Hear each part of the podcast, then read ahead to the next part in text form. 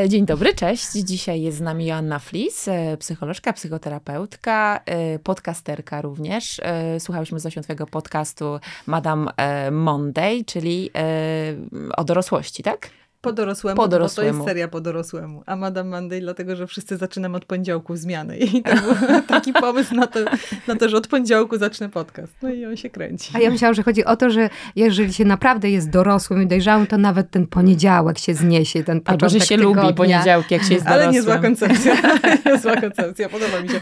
Po dorosłemu jest drugą częścią. Pierwsza część była taką rozbiegówką e, psychoedukacyjną, a po dorosłemu pojawiło się dlatego, że odkryłam, że dojrzałość właściwie jest dla nas mało fascynująca, a w zasadzie jest fascynująca i to jest nasza supermoc. Tak jest i my zaczęłyśmy od tej drugiej serii, ale z chęcią przejdziemy w takim razie do pierwszej, ponieważ nas dojrzałość i niedojrzałość jakoś fascynuje ostatnio też w naszych podcastach i myślę, że fascynuje też twórców e, filmowych e, i pisarzy czy pisarki, ponieważ bardzo dużo o tym czytamy. Myślę, że jest to jakaś diagnoza naszego społeczeństwa.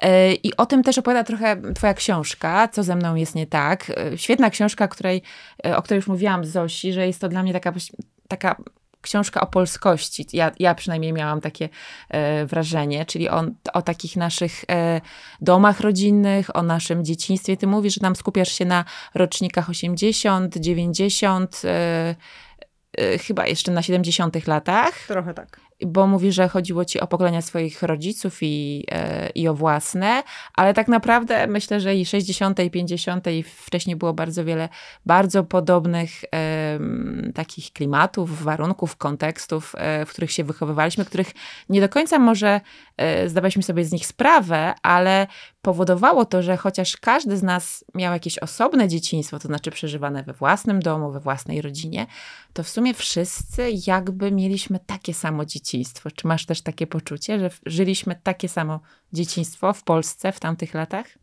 Tak, ja myślę, że tak, że my w ogóle mm, jakby potomkowie dziadka Freuda e, trochę nie doceniamy tego, co się dzieje w systemie, jak bardzo kultura, środowisko, to chociażby, że żyjemy w podobnych przestrzeniach e, domowych, otaczają nas te same meble, oglądamy te same seriale, czytamy te same książki, jak bardzo to na nas wpływa. Mamy taką tendencję poszukiwania głęboko w sobie, do takiej psychologii głębi, a tymczasem chyba trochę pora wyjść z tego e, egocentryzmu, który nam jednak przyświeca i zobaczyć, że więcej więcej rzeczy miało na nas wpływ. No i tamta polskość rzeczywiście na nas odcisnęła swoje piętno. Przede wszystkim w jakich obszarach? Jak ty, ty, to bardzo dobrze diagnozujesz w książce, ale gdybyś miała te na przykład dwa najważniejsze obszary e, wskazać, to jakie byłyby one? Mhm. Dla mnie byłoby to poczucie bezpieczeństwa. To mhm. jest taka pierwsza fundamentalna rzecz, która wydaje mi się, że zostawia mm, po prostu mnóstwo złego pomiędzy nami. Od polaryzacji społecznej, przez niezdolność do znoszenia dyskomfortu, przez y, pęd za kasą chociażby, która jakoś nam pomaga radzić sobie z ciągłym poczuciem e, takiego zagrożenia, bo nie jesteśmy w stanie odwoływać się do własnych zasobów, nie potrafimy tego robić.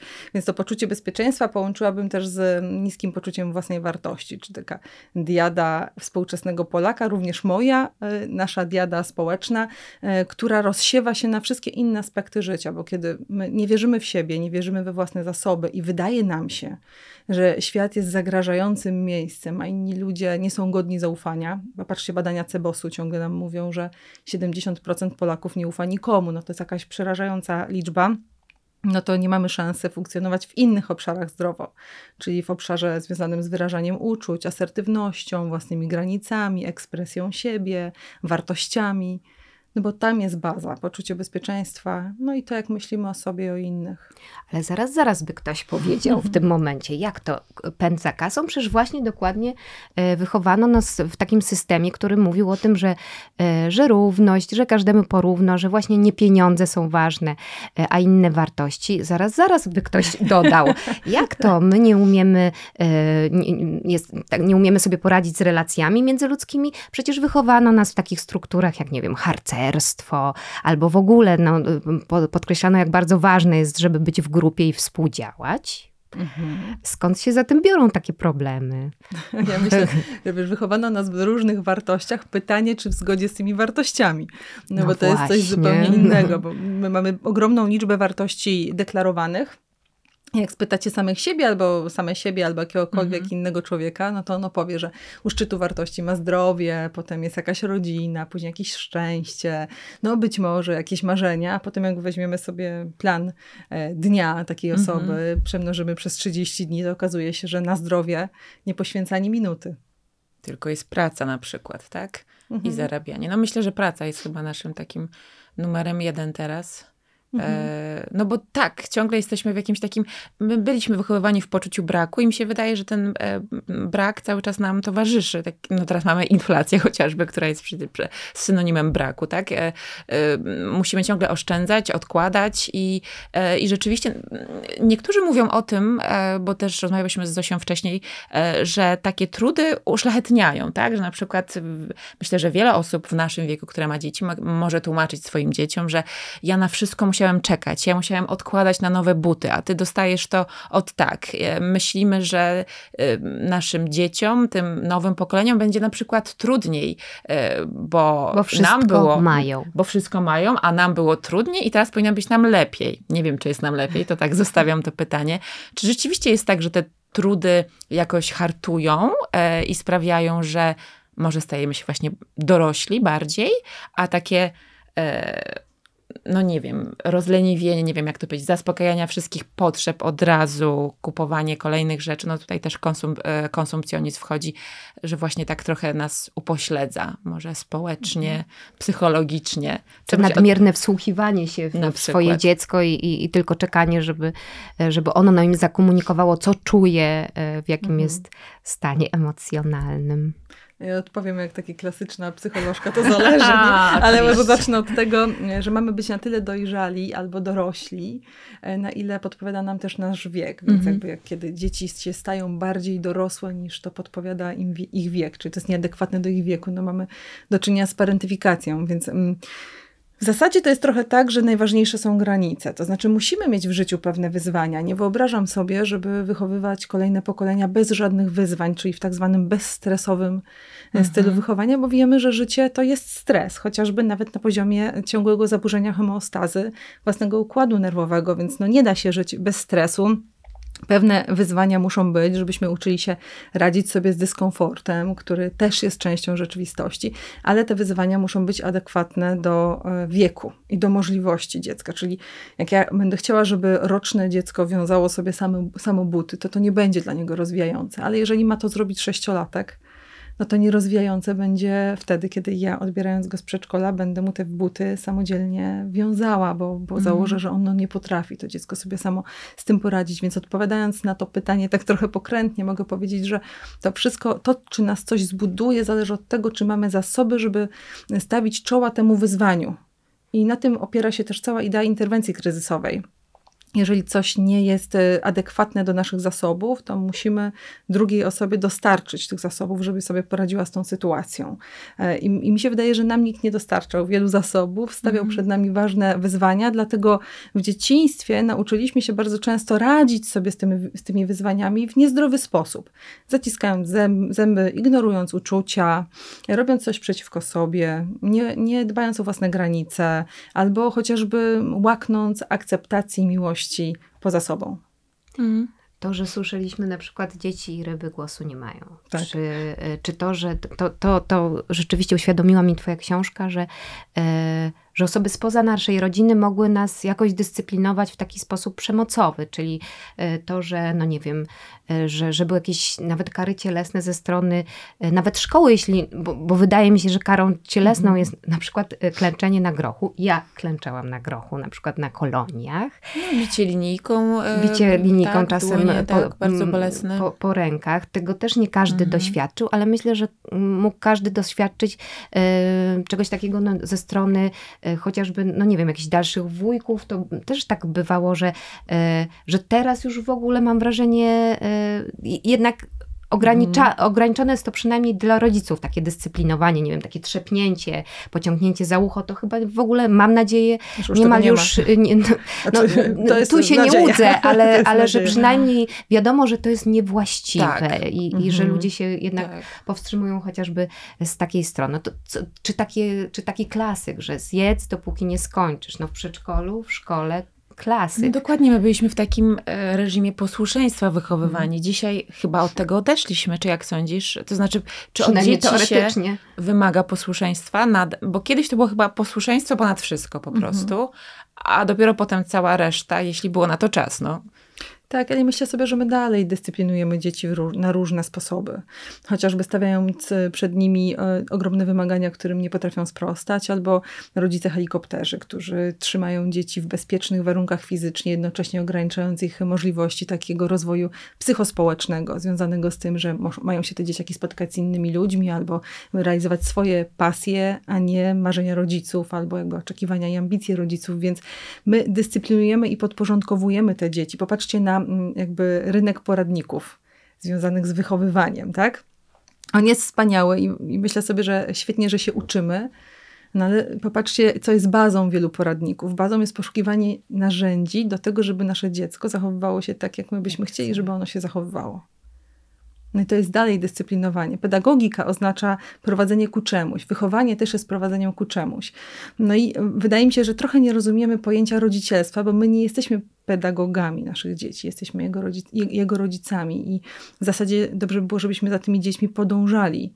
A współcześni rodzice często mają dużo fantazji na temat tego, kim te dzieci miałyby w przyszłości być. Co prawda, to się powoli zmienia i są takie ruchy rodzicielskie rodziców, którzy mówią bądź szczęśliwy, bądź kim chcesz być, ja ci będę w tym towarzyszyć, ale to jest y, mniejszość, zdecydowana mniejszość. Ty mówisz o, y, o syndromie dziecka, dorosłego dziecka z rodziny dysfunkcyjnej. Jesteś mhm. znana z tego, że taką e, terapią też się zajmujesz. Wiem, że też bardzo dużo właśnie w tym temacie maili dostajesz czy, e, czy zapytań. E, czy mm, też piszesz w książce, że w takim powszechnym przekonaniu ta dysfunkcja to jest coś takiego bardzo naruszającego, coś tak oczywistego jak właśnie uzależnienia, e, jak przemoc, e, jak, za, jak zaniedbania polegające na tym, że dziecko przychodzi, nie wiem, bez odpowiedniego ubrania, jest głodne i takie rzeczy też się zdarzają, co jest straszne w dzisiejszych czasach, kiedy wydaje się, że o wiele więcej możemy tym dzieciom zapewnić, zapewnić, ale piszesz przemoc też... domowa w naszym kraju ma się bardzo dobrze. No niestety tak, to się nie zmieniło. Jeżeli chodzi o statystyki. I to jest przerażające. Ostatnio mieliśmy też takie doniesienia po prostu też e, z kraju, które o tym, no i o tym, o nieudolności trochę tej opieki społecznej też mówią. Ale ty też mówisz o tym, że ta dysfunkcja to też są takie rzeczy z pozoru e, niezauważalne, dlatego wiele osób zdaje sobie dopiero w dorosłym życiu z tego sprawę.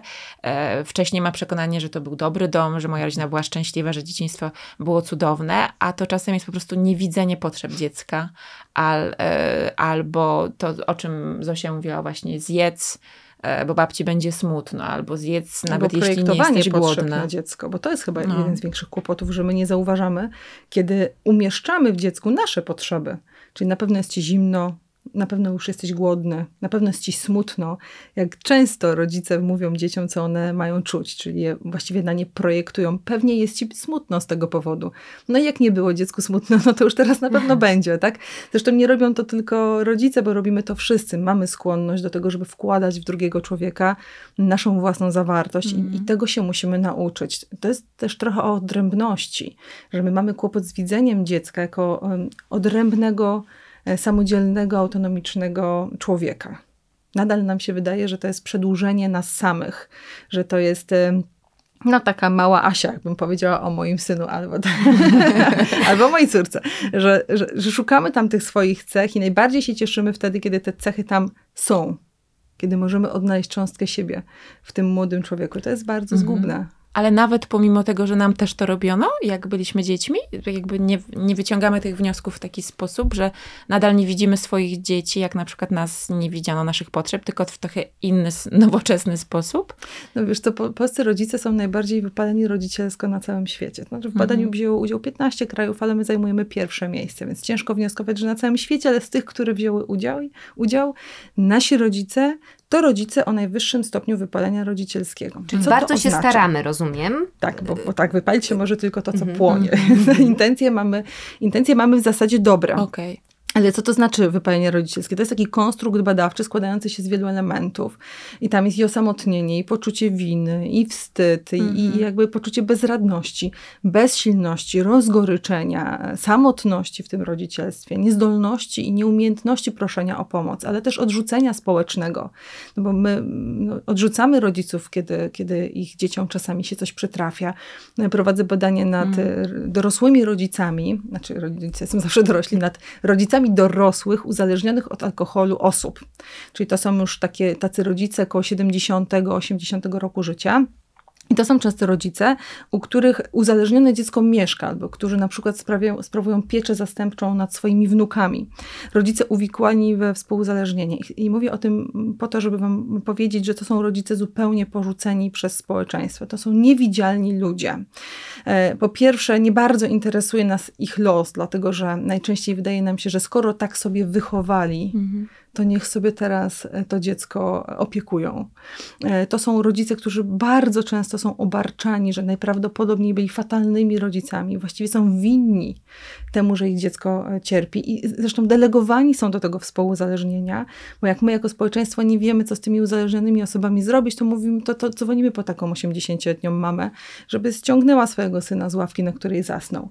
No i to jest trochę też o tym, o części wypalenia rodzicielskiego, że My, po pierwsze, bardzo lubimy innych oceniać w rodzicielstwie e, i bardzo często przypisujemy sobie zasługi, jeżeli nasze dziecko funkcjonuje tak, jak sobie marzymy o tym, żeby funkcjonowało, e, a przypisujemy też innym e, przyczyny niefajnego funkcjonowania ich, dzie ich, dzieci, czyli mamy taką, taką tendencję do atrybucji do wewnątrz i bardzo często niestety, kiedy coś się z dzieciakami dzieje, to porzucamy tych rodziców, o czym zresztą mogą też opowiedzieć rodzice dzieci z niepełnosprawnością, bo to jest zupełnie inna historia, ale właściwie ten sam mianownik. Jesteśmy sami, nikt z nami nie chce rozmawiać, nikt nam nie chce pomagać. Ludzie uważają, że to jest nasza odpowiedzialność, jedynie nasza odpowiedzialność. Czyli my jako społeczeństwo nie bierzemy odpowiedzialności za tych młodszych członków naszej społeczności, tylko uważamy, że jedynymi osobami odpowiedzialnymi za dzieci są ich rodzice.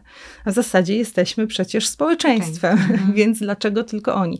E, I to wypalenie rodzicielskie sprawia, że co prawda my może bardzo chcemy, ale w takich warunkach nie da się być wystarczająco dobrym rodzicem.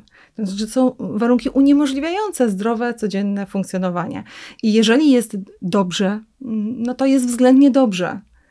Ale jak popatrzymy, co się dzieje w tej chwili z młodymi ludźmi, zobaczymy, że co czwarty ma kryzys psychiczny, to moglibyśmy powiedzieć, że co w czwartej rodzinie dobrze nie jest. I w takiej właśnie co czwartej rodzinie jest rodzic, który najczęściej czuje się wykluczony oceniony, osamotniony i bezradny.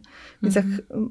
myślę sobie, że marzymy o tym, żeby być lepszymi rodzicami to, i to jest ważne, ale jak nie będziemy siebie wspierać społecznie, to, to nasze marzenia będą trochę jak marzenia o tym, co przyniesie mi święty Mikołaj, jeżeli mnie zauważy.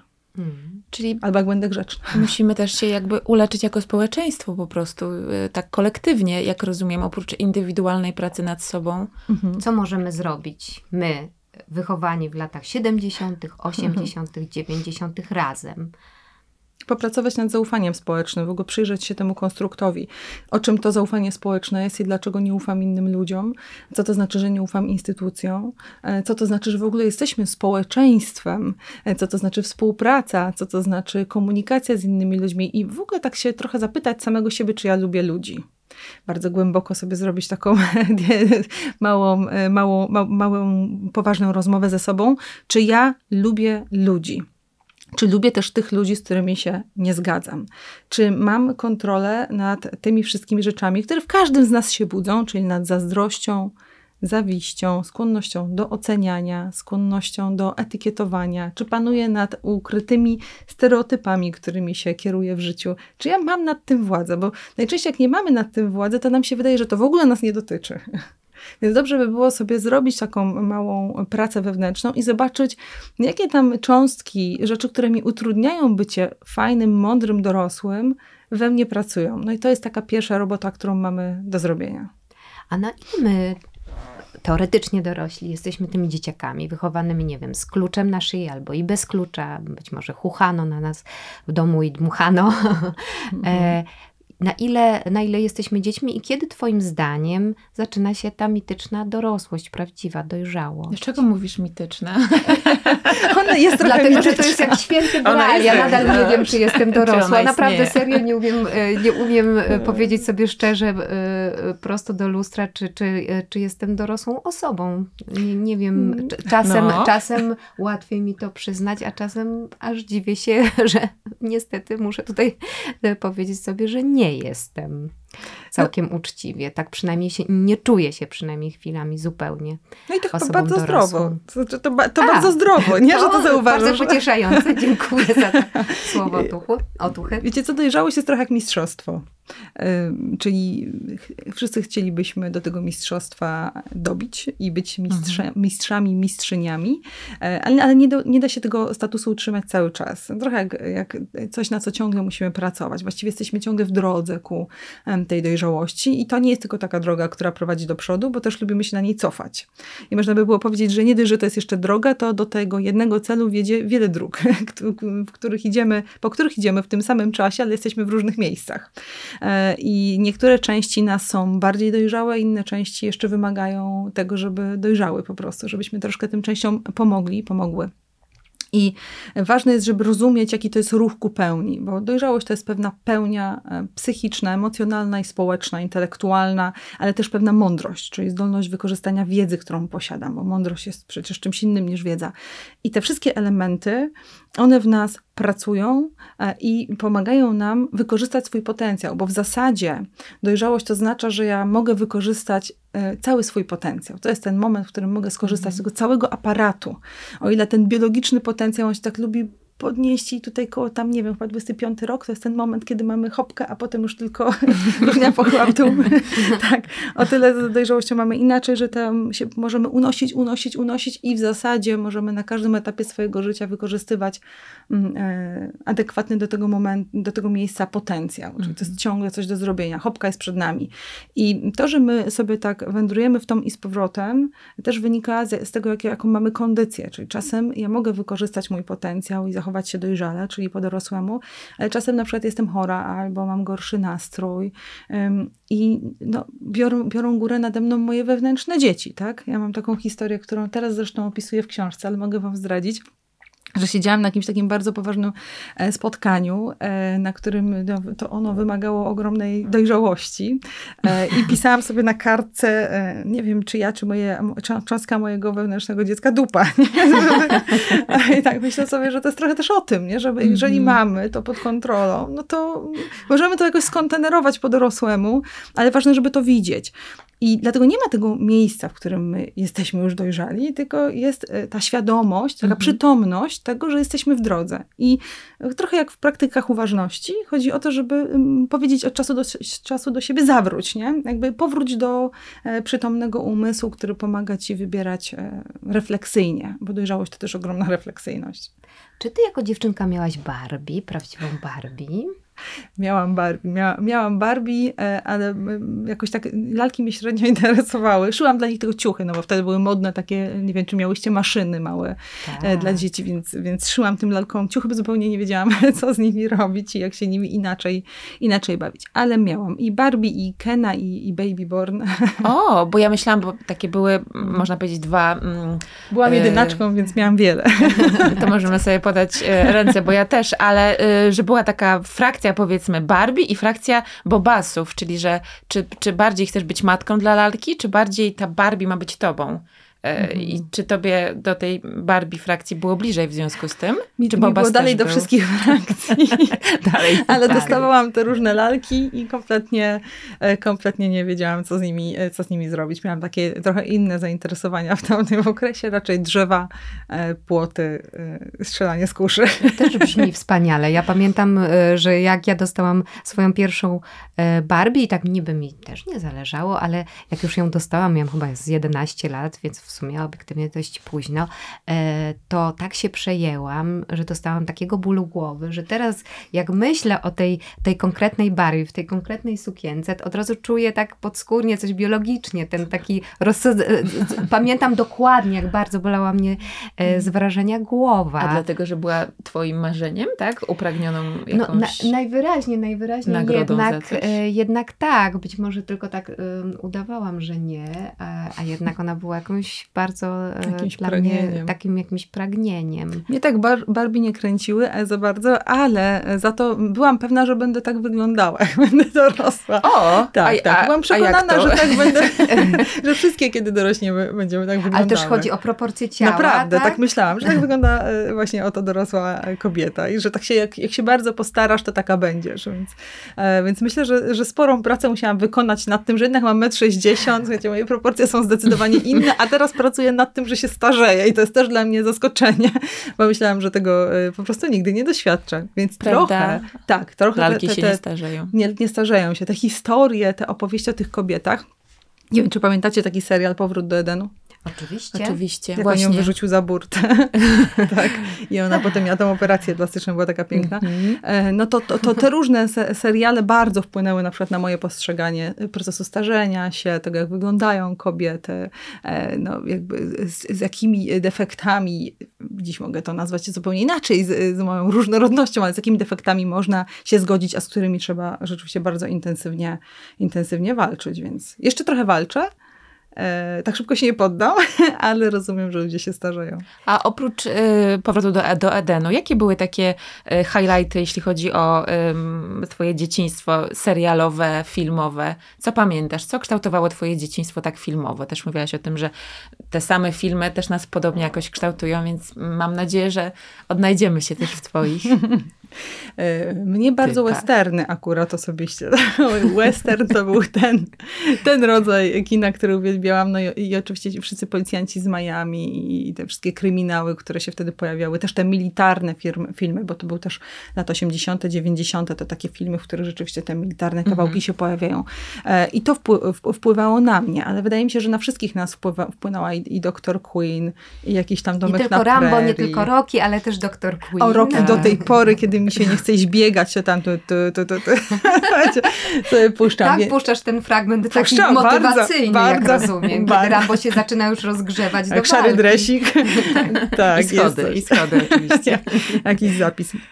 Jest, więc bardzo nas kształtowały. Popatrzcie, że też te, te seriale miały taką ogromną ró- różnorodność, e, wbrew pozorom, Mhm. choć łączyła je pewna e, fikcyjność. Tak, Którą no, ja też bardzo wierzyłam, że tak jest w dorosłym życiu. To znaczy, że właściwa rodzina, na przykład taka zdrowa rodzina, to taka, która się nie, nie, nie kłóci, jak w Seven Heaven. Mogą mieć siódemkę Mhm, dzieci, wspaniałe tak, życie jest seksualne świetnie. i wszystko jest wspaniale. Albo w domku na prerii. Tak. Tak, także, także idealny, idealna rodzina, bez skazy. E, Bardzo też e, taka pokorna wobec, e, wo- wobec różnych rozdań e, losu, przyjmująca je zawsze z godnością Tak. i z pokorą. Mhm. A zapytam, czy jesteś ciekawa tej serii, która się zaraz zacznie, którą ja nazwałam roboczo festiwalem nostalgii. Teraz można zobaczyć między innymi Indiana Jonesa, za chwilę Pan Kleks, Pan Samochodzik i, i, i, i Znachor? No ja Znachor, Ale takie- Stranger Things też, też wprowadziło ten, ten element, nie? Tak, Jakby te, tak. te, te, ta- tamte, tamtego, tamtego czasu, taki powiew. Mnie bardzo pochłonął To e, prawda. ten serial. Tak? Dark też trochę tak zrobił w tamtym klimacie. Nie? Ale Chociaż to są realia Stany Zjednoczone, tu Niemcy, to jednak jakoś czujemy, że to. Ale nawet, chłopcy, prawda? planszówki, Tak. banda, to właśnie te płoty, to taki mój klimat. Tajemnice. My wszędzie wtedy węszyliśmy tajemnice, prawda? Wszystko było tajemnicze. Ja miałam taki Jakiś czas. skarb zawsze gdzieś czyhał. Że na przykład szukałam w domu e, w takich szafkach, gdzie były dokumenty, czy może są tam jakieś dokumenty, że jestem adoptowana, bo to często był wątek e, w serialach, że okazuje się, że jesteś adoptowana, co było oczywiście jakimś no, moim no, wymysłem, ale chodziło o tą taką no, atrakcyjność tego życia, że to... E, a czy to właśnie była nasza ucieczka? Trochę te filmy były naszą ucieczką od tej naszej PRL-owskiej rzeczywistości? E, czy po prostu to było odzwierciedlenie tego, co się dzieje w naszych głowach, te takie tajemnice, że dzieci tego, czy młodzi tego potrzebują, że wszędzie to widzą, tak? Tak wielu rzeczy jeszcze nie rozumieją i nie wiedzą. Znaczy E, to bardzo ciekawy y, wątek i myślę, że bardzo zdrowy akurat, jeżeli jeżeli chodzi o to pokazywanie mm, tajemnic, rozwikływanie mhm. zagadek, e, te, te, te, bandy, grupy, współpraca z, Buller, z Bullerbyn, tak, jakby ta książka, którą się wielokrotnie czyta, to bardzo, bardzo ciekawy wątek, który moim zdaniem pokazywał, jaka była nasza ciekawość życia. Mhm. I że tamte narracje lat 80., 90., one trochę tą ciekawość e, świata budziły, no z racji tego, że ten świat nie był dostępny, a mhm. potem jak już był, no to wszystkiego byliśmy po prostu bardzo głodni. I myślę, że to jest taka naturalna część ekspresji i motywacji, którą każdy z nas ma. Jak zobaczymy małe dziecko, które tam pełza po, po podłodze, no to ono też jest ciekawe wszystkiego, wszystko chce włożyć do buzi, sprawdzić, zrozumieć.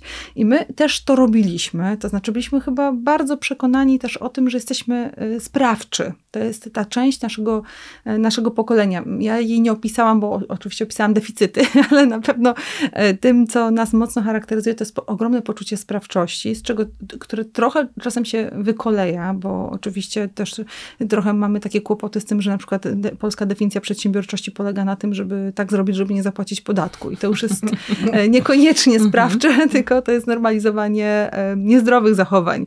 Więc jak nie drzwiami, to oknem. No mamy takie powiedzenia i, i tak. mamy taką skłonność do tego kombinatorstwa, która się bierze z głębokiej sprawczości, ale jest w tym taka jakaś zawadiacka nutka, która pozwalała nam wtedy w tych szarych, w tym szarym świecie jednak, jednak mieć fascynującą przestrzeń dla siebie. Być może była to ucieczka mhm. od, od tych samych mundurków, od takiego systemu wychowania, od jednego e, sztywnego sposobu myślenia o tym, jak to, jak to życie powinno wyglądać, e, od tego, że, że każdy właściwie miał zmierzać do tych samych celów. Trochę to było takie nudne, no, mało mieliśmy do wyboru.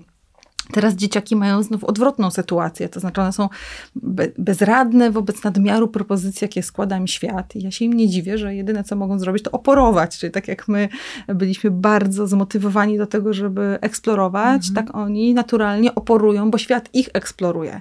I mamy trochę drugą stronę tego samego medalu. Zobaczymy, dokąd to też doprowadzi. No właśnie, ty jesteś autorką, e, znaczy taką jakby konsultantką, też e, współpracowałaś przy e, raporcie Młode Głowy, tak, w Fundacji Unaweza. Tak, jestem ekspertką w ogóle w projekcie, w projekcie Młode Głowy. Tak. Właśnie. I, I czy jest jakieś takie kolektywne doświadczenie, bo tak jak my myślimy sobie o naszych latach, jakoś kształtował nas PRL, a czy ci młodzi ludzie mają tak jakieś doświadczenie wspólne? Czy właśnie czymś wspólnym jest to, mają. o czym teraz mówisz, takie nadmiar bodźców e, e, i czy w związku z tym oni się czują jako pokolenie e, jakimś takim wspólnym teamem, czy jednak każdy tak chce się zamknąć w swojej bańce? Oni się czują. Większość z nich, są takie badania, akurat te robiła nowa era, cytowała Nowa Era, mhm. ale nie powiem wam, kto je zrobił, które pokazują, jakie są grupy. Aha, już wiem. E, jeżeli was interesuje, to ten podział jest u, w książce Justyny Słuchackiej, e, Pokolenie Zmiany. O, o. E, I tam tak, jest tak. taki podział na tych młodych ludzi i taka największa z nich grupa to są dzieciaki, które, dla których najważniejsze jest bycie w grupie bycie razem. To, to mhm. jest ten ich motyw przewodni, kolektywność. I to, to jest y, super ważne, bo to jest to, czego my nie umiemy, tak? E, więc to, to, to jest ich wspólne doświadczenie. No na pewno internet, pojawienie się internetu, pojawienie się takiego, e, taki japoński filozof, którego nazwiska nie wymienię, który mieszka w Berlinie. On stworzył świetną koncepcję w książce Społeczeństwo zmęczenia, mm, mówiąca o tym, że kiedyś y, wróg pochodził z zewnątrz, czyli mieliśmy taki immunologiczny system patrzenia na zagrożenia. One pochodziły z zewnątrz, więc ustanawialiśmy różne granice. A teraz dzieciaki mają trochę inną sytuację i ludzie, bo on tak jakby pochodzi z nadmiaru tego, co nie, czego nie możemy nazwać czymś złym. Mhm. Sam internet w sobie nie jest czymś złym, y, ilość propozycji różnych nie jest czymś złym, natomiast kiedy kiedy mamy tego nadmiar, to to zaczyna nas niszczyć od środka. I trochę jest tak, że ten wróg już nie stoi u bram, tylko w zasadzie mieszka w nas i wszystko, co jest dobre, może być jednocześnie złe, kiedy jest tego za dużo w nas. Mm, I dlatego jesteśmy tak zmęczeni, dlatego mamy taki ogromny problem e, z tym, żeby rozpoznawać, że jesteśmy zmęczeni i przemęczeni, chociażby mamy syndrom e, zdalnego zmęczenia, więc to jest doświadczenie mhm. tych młodych ludzi. Dla nich e, świat wirtu wirtualny, choć nie lubię tego określenia, ale powiedzmy świat cyfrowy jest światem, którym towarzyszy od zawsze. Oni od zawsze żyją w dwóch przestrzeniach, które się mhm. intensywnie przenikają, ale też żyją na przykład wśród dorosłych, którzy nie radzą sobie z e, utrzymaniem bezpieczeństwa w świecie. No bo jak sobie myślę o dziecku mhm. lat 9, które słyszy od dorosłego, nie może, nie, na hejt nie możesz reagować, a właściwie żadnego innego narzędzia my nie mamy, no trochę sobie myślę, to to jest taki świat, w którym nie mogę pomyśleć o dorosłych, że, że, że mogą mnie ochronić w każdej sytuacji, bo, bo nagle się spotykamy z taką sytuacją, w której nie mogą mnie ochronić, pozostają bez, bezradni wobec ogromnych zagrożeń. Więc to jest na pewno ich wspólne doświadczenie. Pandemia będzie ich wspólnym e, doświadczeniem. Mm, ten e, taki cały wątek związany z izolacją dla, dla wielu dzieciaków to był taki ważny okres w życiu, chociażby moja córka w pandemii właściwie skończyła całe liceum, czyli była mm. tylko, zdążyła być tylko w pierwszej klasie kawałek, a potem już do matury w zasadzie siedziała w, w swoim pokoju.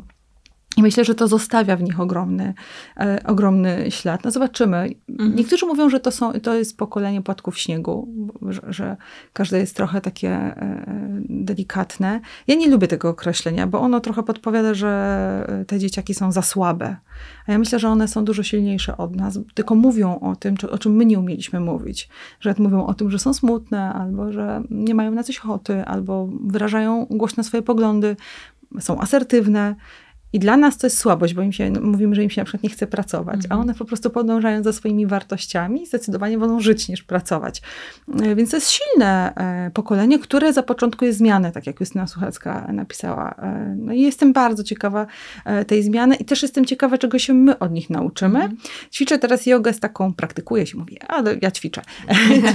ćwiczę teraz jogę z taką parą młodych ludzi, którzy prowadzą te zajęcia i jest to dla mnie fenomenalne, że oni prowadzą te zajęcia w jakichś takich basicowych, zwykłych dresach. Nie ma tam tych gongów, tam nie ma tych zapożyczeń kulturowych, które robią całą tą aurę, tylko sobie razem praktykujemy w jakiejś takiej y, też y, uczciwości, gdzie jesteśmy i o czym to jest. Jestem y, po prostu pod ogromnym wrażeniem tego, jak oni się pozbyli tej całej mm, ci, ci młodzi ludzie, mam nadzieję, że reszta również, tej całej aury, którą my wytwarzaliśmy wokół siebie na różnych płaszczyznach, takiej zasłony dymnej e, dla niskiego i pogruchatanego poczucia własnej wartości, bo oni już to poczucie wartości mają umocowane. Ale wracając do badań. Badania pokazały, że doświadczeniem wspólnych, wspólnym tych młodych ludzi jest ogromne poczucie takiej bezradności e, wobec sytuacji e, jakichś takich nawet nie trudnych, tylko związanych z wyzwaniami dnia codziennego. Mhm. Czyli te dzieciaki nie wierzą, właśnie nie, nie są sprawcze, nie wierzą, że sobie poradzą e, i mają, w połowie, przynajmniej połowa ma skrajnie niskie poczucie własnej wartości, czyli trochę zaprzeczam sama sobie, ale pewnie są i takie, i takie dzieciaki. Więc to jest ich doświadczenie. Du dużo dramatycznie przeżywają też kryzys psychiczny, to znaczy szybciej się pojawiają zachowania e, samobójcze, myśli samobójcze często się pojawiają u nas wszystkich, ale u nich bardzo szybko ten kryzys przyjmuje taką trajektorię ku już zachowaniom ryzykownym i samobójczym. To jest niepokojące, bo liczba młodych ludzi, którzy podejmują zamachy samobójcze wzrosła na przestrzeni ostatnich dwóch lat o 140%. To jest hmm jakaś liczba taka, dane. wobec której naprawdę ja już czuję ogromną bezradność, mimo że na co dzień pracuję też z dzieciakami. Do jakiego stopnia możemy tutaj my zaradzić tej sytuacji? Ile jest w naszych rękach? Jak ty to widzisz? Ojej, właśnie, ja to tak widzę teraz, że mm, na pewno nie możemy mm, za bardzo rozwijać takich fantazji o tym, że to jest w ręku pojedynczej osoby, która opiekuje się tym dzieckiem. Znaczy, dopóki nie uznamy, że problem związany z kryzysem psychicznym jest problemem społecznym, a nie tej rodziny, tej matki, tego ojca, to nie zatrzymamy tej fali. Bo to, co się dzieje z tymi młodymi ludźmi, mm, oczywiście jest pokłosiem też tego, co, jakie postawy ma ten rodzic i jak, jaka jest ta rodzina, ale jeszcze większym pokłosiem tego, jakie to jest społeczeństwo i w jakiej kulturze żyjemy i czym karmimy te nasze dzieci, właściwie czym media je karmią. Mhm. E, więc y, na pewno musimy zmienić narrację na temat kryzysu psychicznego, że to jest nasze zadanie i nasza odpowiedzialność wobec tych dzieci, również wobec tych rodziców. Jak możemy im pomóc. I popatrzcie, jest taka świetna instytucja, która prawie przepadła e, e, w naszych narracjach, to jest instytucja ciotki i wujka za, za naszych czasów. Ja jestem tak, ciotką, ja jestem super ciotką, też bym powiedziała. Więc tak, e, jedna na trzy osoby jest ciotką. tak, ale kiedyś to, to była taka norma, nie? że tam tak. jakieś ciotki były i wujkowie, oni podejmowali role społeczne wobec naszych dzieci. Rację, Sąsiadka tak. to też była jakaś tak, rola społeczna, ciocia, no. tak? Jakaś mhm. ciocia. A dziś jest trochę tak, że ograniczamy ten repertuar dorosłych, mądrych dorosłych, którzy mogą coś wnieść do życia dziecka, do rodziców, mhm. względnie to jakiegoś prawda. rodzeństwa. I ta to z jednej strony jest jest dobre, bo jak powiedziałyśmy, na przykład nie wiąże się z jakimś takim nadmiernym, Że e, ktoś, że tak, ktoś właśnie cię trzepnie, dyscyplinuje, że tak. wujek cię trzepnie po uchu, czy zrobi ci charakterystycznego polika, ściskanie polików. Pamiętacie? Ściskanie polików Tak. przez Pamiętam. wujka. Albo wykręcanie wujek ucha koszor, jeszcze, albo tak. wykręcanie ucha. A z drugiej strony, jak mówisz, Joanno, jak, jak rozumiem, to także zagrożenie, bo rodzice są zostawieni sami sobie. No, już tylko, ogromne. tylko y, w zakresie tego jedne, tej jednej maleńkiej komórki. Nawet nie tylko rodzice, społecznej. Ale jeszcze dzieciaki, bo No tak. jak ja mam e, taką fantazję, to jest moje słowo klucz do wszystkiego, ale jak ja mam taką fantazję, że mój repertuar emocjonalny, społeczny, kom, moje kompetencje są wystarczające do tego, żeby moje dziecko miało, miało szeroki wachlarz wyboru, jak ma się zachowywać, to to są bardzo niezdrowe fantazje. Znaczy, moje dziecko potrzebuje wielu wzorów osobowych. I ono potrzebuje kontaktu z innymi mądrymi dorosłymi, bo my tylko w tym zespole różnych mądrych dorosłych tworzymy jedną postać dorosłego, który wnosi. Mhm. I nie możemy tych naszych dzieci okradać z tego e, wpływu innych ludzi, bo jest duże prawdopodobieństwo, że w wielu przypadkach ten wpływ innych ludzi, te zasoby innych ludzi dla tych dzieci będą kluczowe. Nawet jak my, rodzice, chcielibyśmy, żeby kluczowe było, była nasza obecność Mhm. e, to czasami zdarza się zupełnie inaczej. I to jest z jednej strony trochę smutne, bo chcielibyśmy być tutaj najważniejsi, a z drugiej strony bardzo odbarczające, bo uf, bo to znaczy, że poza mną mogą być jeszcze inne, mądre, dorosłe osoby, które temu mojemu dziecku dadzą to, czego ja nie mam, żeby dać, bo Tak. nie mam z czego. To jest bardzo fajne, co mówisz, że mamy to piękne po, e, powiedzenie, że to wioska wychowuje, znaczy, że to cała wioska wychowuje dziecko, tak? Nie tylko mama i tata, tak? Tylko, że my wszyscy jako społeczeństwo. I też mamy Tak. prawo prosić o pomoc, jak rozumiem, też, y, też naszych Jako najbliższych, jeśli też myśli, państwo tak, nie działa jako rodzica. Może to jest właściwie pocieszające, bo wyobrażam sobie i też widzę, jak funkcjonują współczesne rodziny. Bardzo wiele z nich naprawdę funkcjonuje tylko w tym zakresie, w jakim Mhm. żyją na co dzień.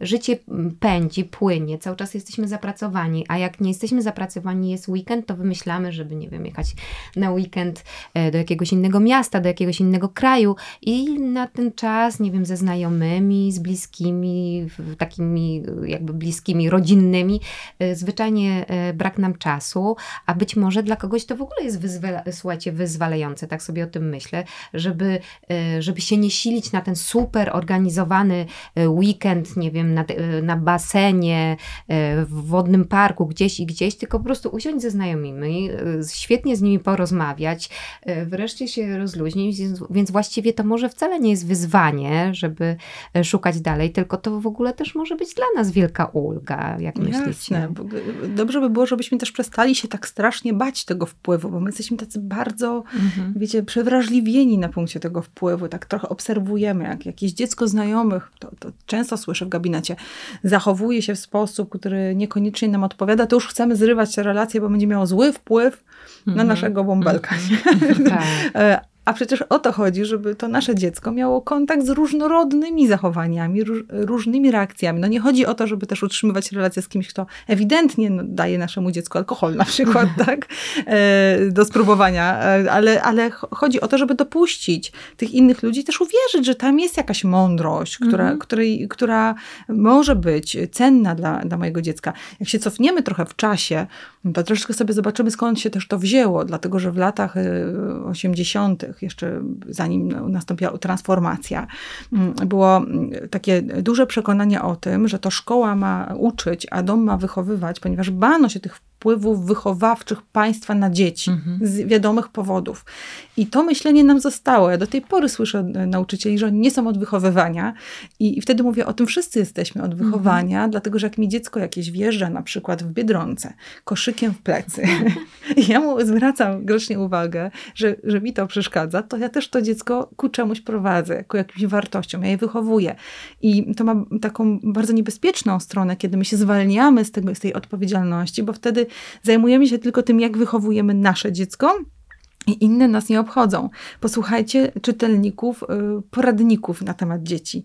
Y, Jak ludzie mówią? To nie jest dla mnie, ja nie mam dzieci. Wszyscy mamy dzieci, bo Wszyscy jesteśmy dzieci, w tak. społeczeństwie, w którym żyją też dzieci. Mhm. Więc czy mamy te dzieci, mamy dorosłe dzieci, czy małe dzieci, lubimy czy nie lubimy, musimy wiedzieć, jak się komunikować z Mhm. tą częścią naszej społeczności. E, A tego nie robimy. E, Co, co więcej, bardzo często słyszę, że, że te dzieci są w różnych przestrzeniach coraz mniej mile widziane.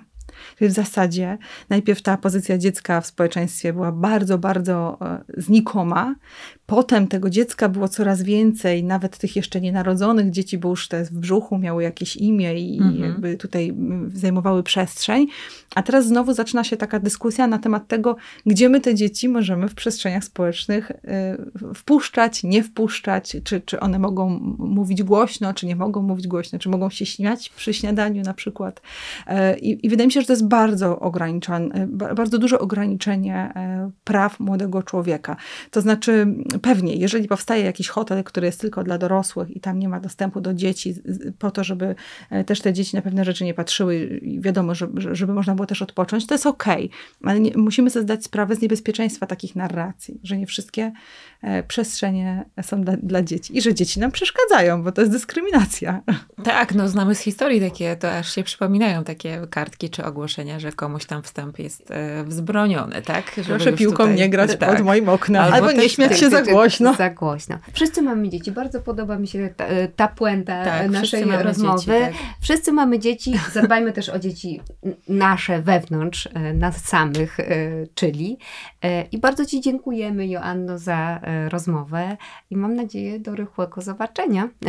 Dziękuję. Do usłyszenia. Dzięki. Dziękujemy. Powiedziałyśmy przed chwilą, że mamy teraz prawdziwy wysyp sentymentalnych filmów, seriali, które przynoszą nas z powrotem do dzieciństwa, choć nie do końca z powrotem, bo to jest nowa interpretacja.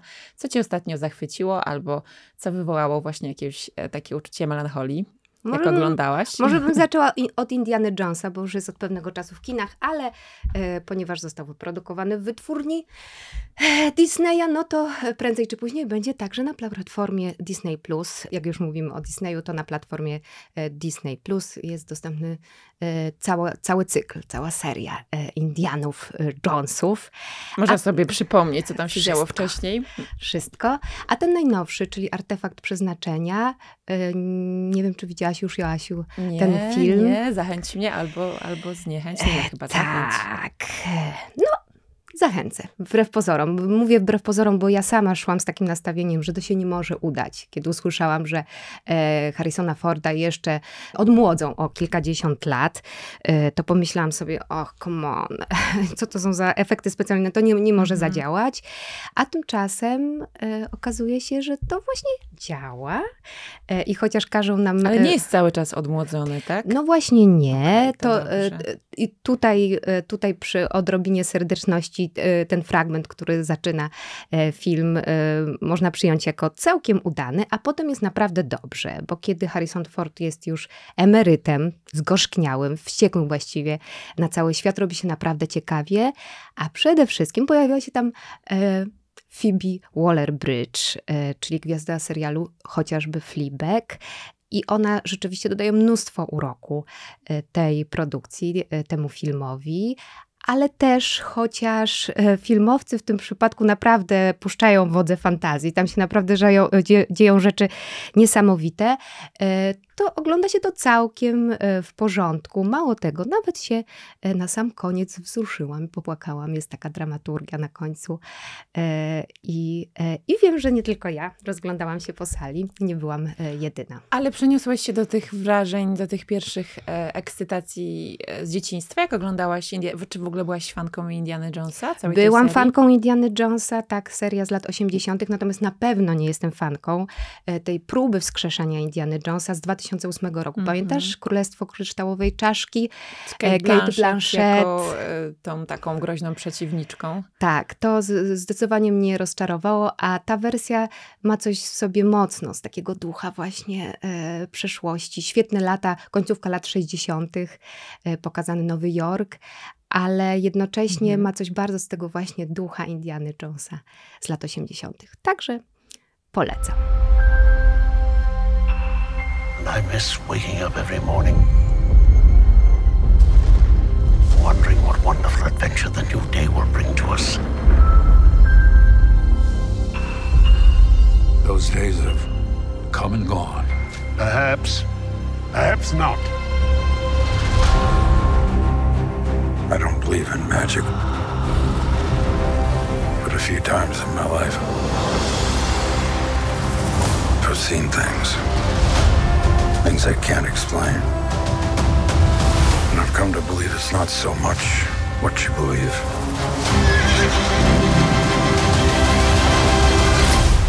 It's how hard you believe it.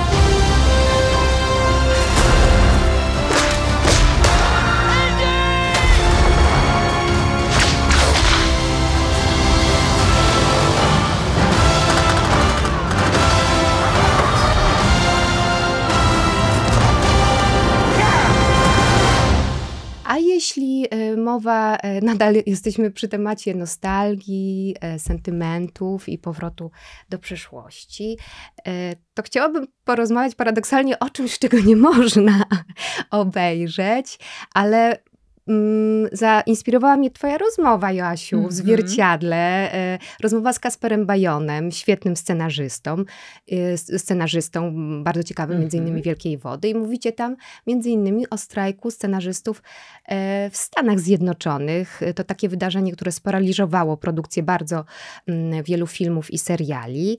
I właśnie między innymi przez to nie możemy obejrzeć, to znaczy mm, o, bardzo opóźniło się,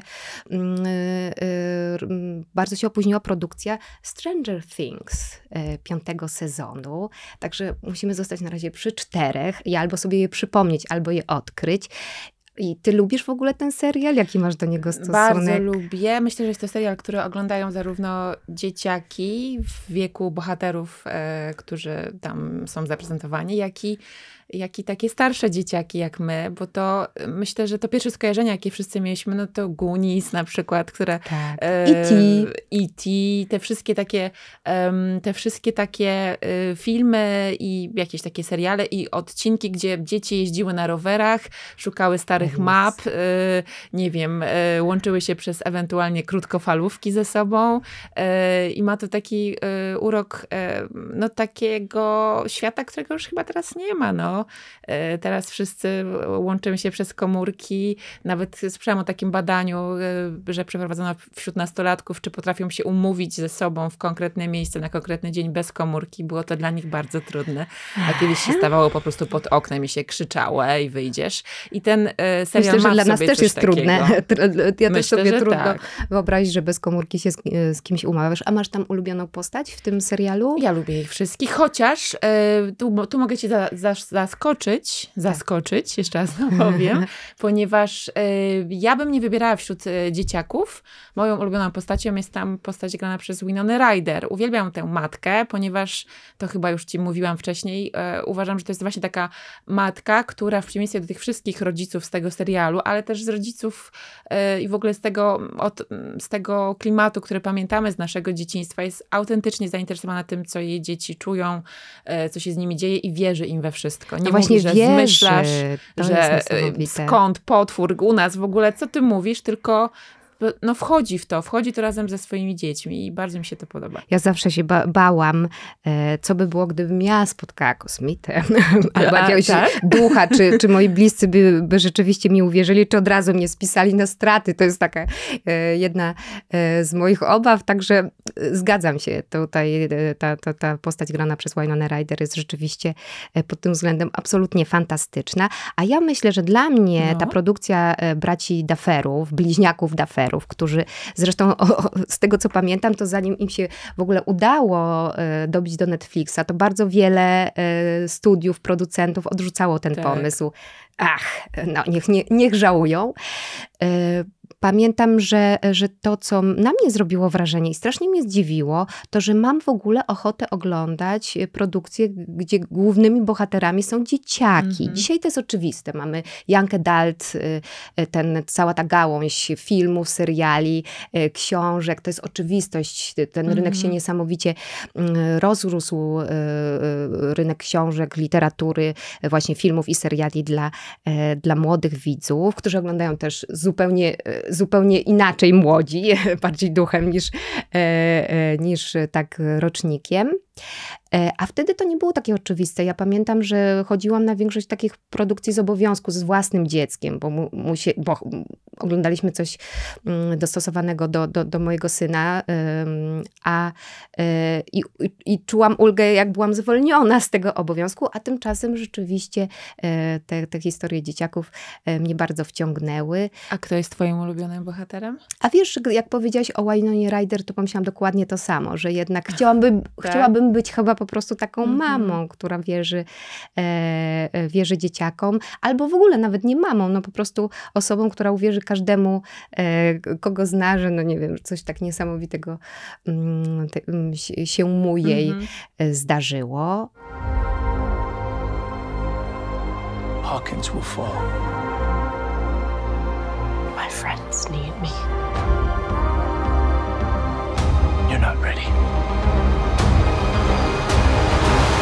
Skoro mówimy też o dzieciakach, to, e, to może pan samochodzik z naszej, z naszej działki, z naszej polskiej, bo no wiem, że widziałaś. Widziałam, ale chciałam powiedzieć, nie wiem jak to się wydarzyło, ale ja się nie wychowywałam na panu samochodziku. Naprawdę?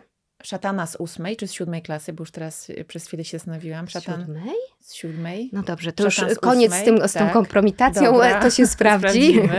E, to pamiętam, ale nie wychowywałam się na panu samochodziku, więc to dla mnie był e, taki taka pierwsza jego odsłona. Znaczy wiem, że istniał e, taki cykl ze Stanisławem Mikulskim, ale to nie było coś, co ja tam śledziłam już bardziej stawkę większą niż życie z nim, jeśli mam być szczera. Mhm. Ale y, ten, Bo mówisz jest... o tym serialu z 1971 tak, roku, gdzie tak. pan samochodzik ma twarz Hansa e, Klossa. Ale pamiętasz go, czy w ogóle myślisz, że go nie widziałaś? Ja go nie widziałam. Y, A to może widziałeś? tak, bo, bo ja sobie troszeczkę ja mam... powtórzyłam y, ten serial y, Dokładnie. z okazji ekranizacji nowej. punkty widzenia w związku tak. z tym. No to powiedz, jaki twój jest. Nie chcę nikomu deptać jego wspomnień i jego nostalgii, ale niestety mm, według mnie nie, no, no nie przetrwał w takiej nienaruszonej formie, jeśli chodzi o przekaz ten serial. Aż się dziwię, że, że podobał mi się jako, jako dziecku. No może tylko powiem to, że w pierwszej scenie serialu z 1970 1971 roku e, Stanisław Mikulski, pan samochodzik, e, widząc, że, e, że dzieci, z którymi jedzie samochodem na wyprawę w poszukiwaniu skarbów, strasznie się nudzą i wtedy wykrzykuje, jaka jest najważniejsza zasada, jaka jest najważniejsza zasada tej wyprawy, a dzieci zgodnym chórem odpowiadają, absolutne posłuszeństwo. Tyle o wolności wow, i o beztroskim dzieciństwie dobrze. i o e, prawach dziecka. E, no też niestety wątek taki genderowy nie bardzo, nie bardzo chyba na nasze czasy, bo wspaniała Ewa Szykulska, najpiękniejsza, robiąca największe wrażenie. No chwilami napisano dla niej tak jednak, e, jednak dialogi, jej teksty są takie jakby, nie wiem, małą dziewczynką. Ona, gdyby nie to, że ona po prostu zawsze e, kradnie kamery w każdej scenie, mm -hmm. no to właściwie można pomyśleć, że jest takim e, kwiatkiem do kożucha. Czyli dobrze, że nakręcono nową wersję w postaci filmu tym razem. Okazuje się, okazuje się e, że dobrze, chociaż ona ani z serialem, ani z książką nie ma tak bardzo wiele mm -hmm. wspólnego, e, tak powiem surowo. Oczywiście jest mnóstwo zbieżnych, e, zbieżnych punktów, e, są, są imiona te, te same, mniej więcej, przynajmniej w, w, w przypadku większości postaci. Mm, jest jakiś zarys fabuły podobny, ale jednak to jest bardziej opowieść w stylu Indiany Jonesa albo MacGyvera. Nawet jedna z postaci, którą gra Jacek Beller, Beller e, przypomina mi kota ze Szreka. Nie wiem, czy to było zamierzone, ale tak właśnie jest.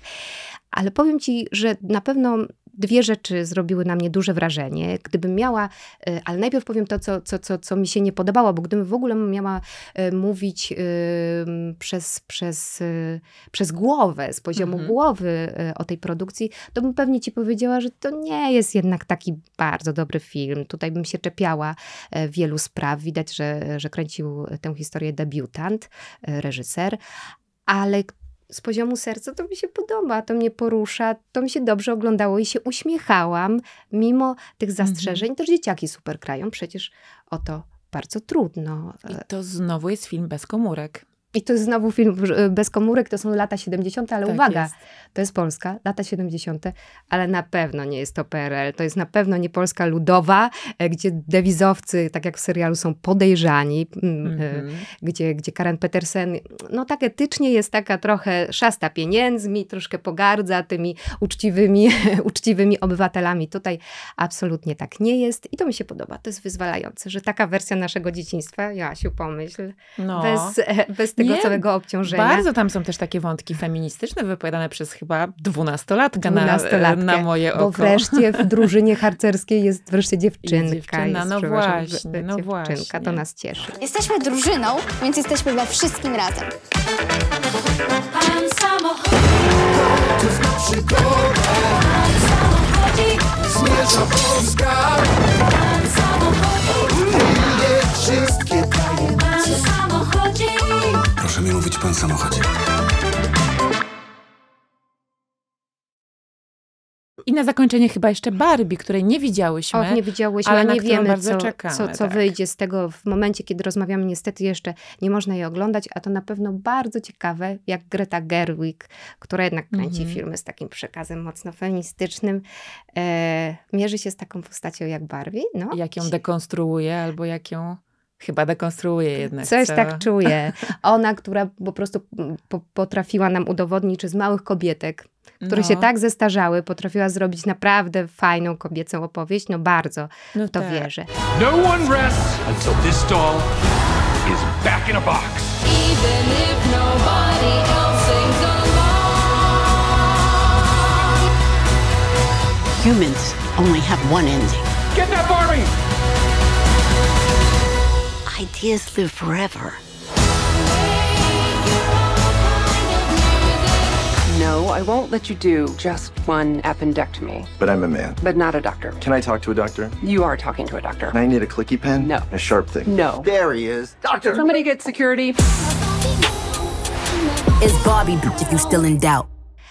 Ale ja jeszcze tutaj na sam koniec bym jednak coś jeszcze Dobrze, poleciła. to coś niefilmowego, e, dobra? Wrzuć już, już wychodząc, już, już, Już wychodząc ze studia. No. E, już wychodząc ze studia, Muzeum mm, Śląskie w Katowicach, czyli piękne miejsce, wspaniałe, e, nowoczesne bryły wystające z ziemi, z, z, czyli zrewi, zrewitalizowana kopalnia Katowice, czyli całe miejsce jest świetne do obejrzenia, a tam wystawa Ostatnie takie lato i to jest wystawa poświęcona wypoczynkowi e, i ośrodkom wypoczynkowym e, PRL-owskim e, i możemy na niej oglądać e, zdjęcia, fotografie Marcina Wojdaka, którego pewnie znasz z Instagrama jako kosmo, Kosmoderne. To bardzo popularny profil ze zdjęciami właśnie budynków i wnętrz z przeszłości. A czyli to są zdjęcia zrobione współcześnie? To są E, zdjęcia zrobione współcześnie, taki hołd oddany Okej. już nieistniejącym czasem. Mhm. y, Marcin Wojdak zdo- zdołał jeszcze je sfotografować, albo niedziałającym ośrodkom wypoczynkowym, czyli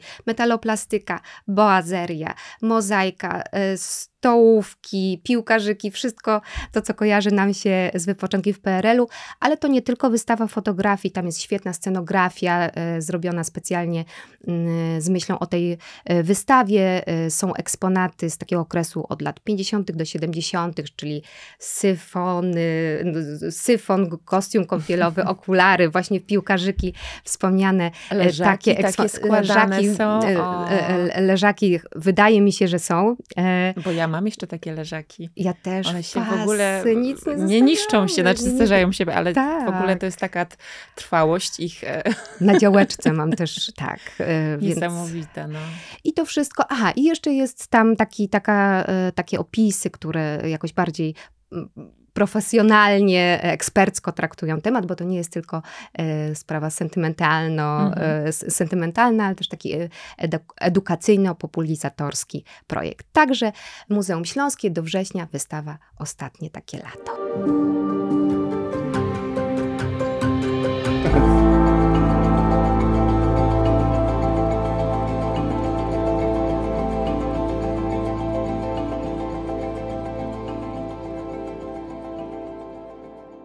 Cudownie. Ja słyszałam, że jest teraz taki trend, że właśnie 40 trzydziestoparlatkowie chcą je jeździć do takich ośrodków ze swoimi dziećmi, nad jeziora, kempingi.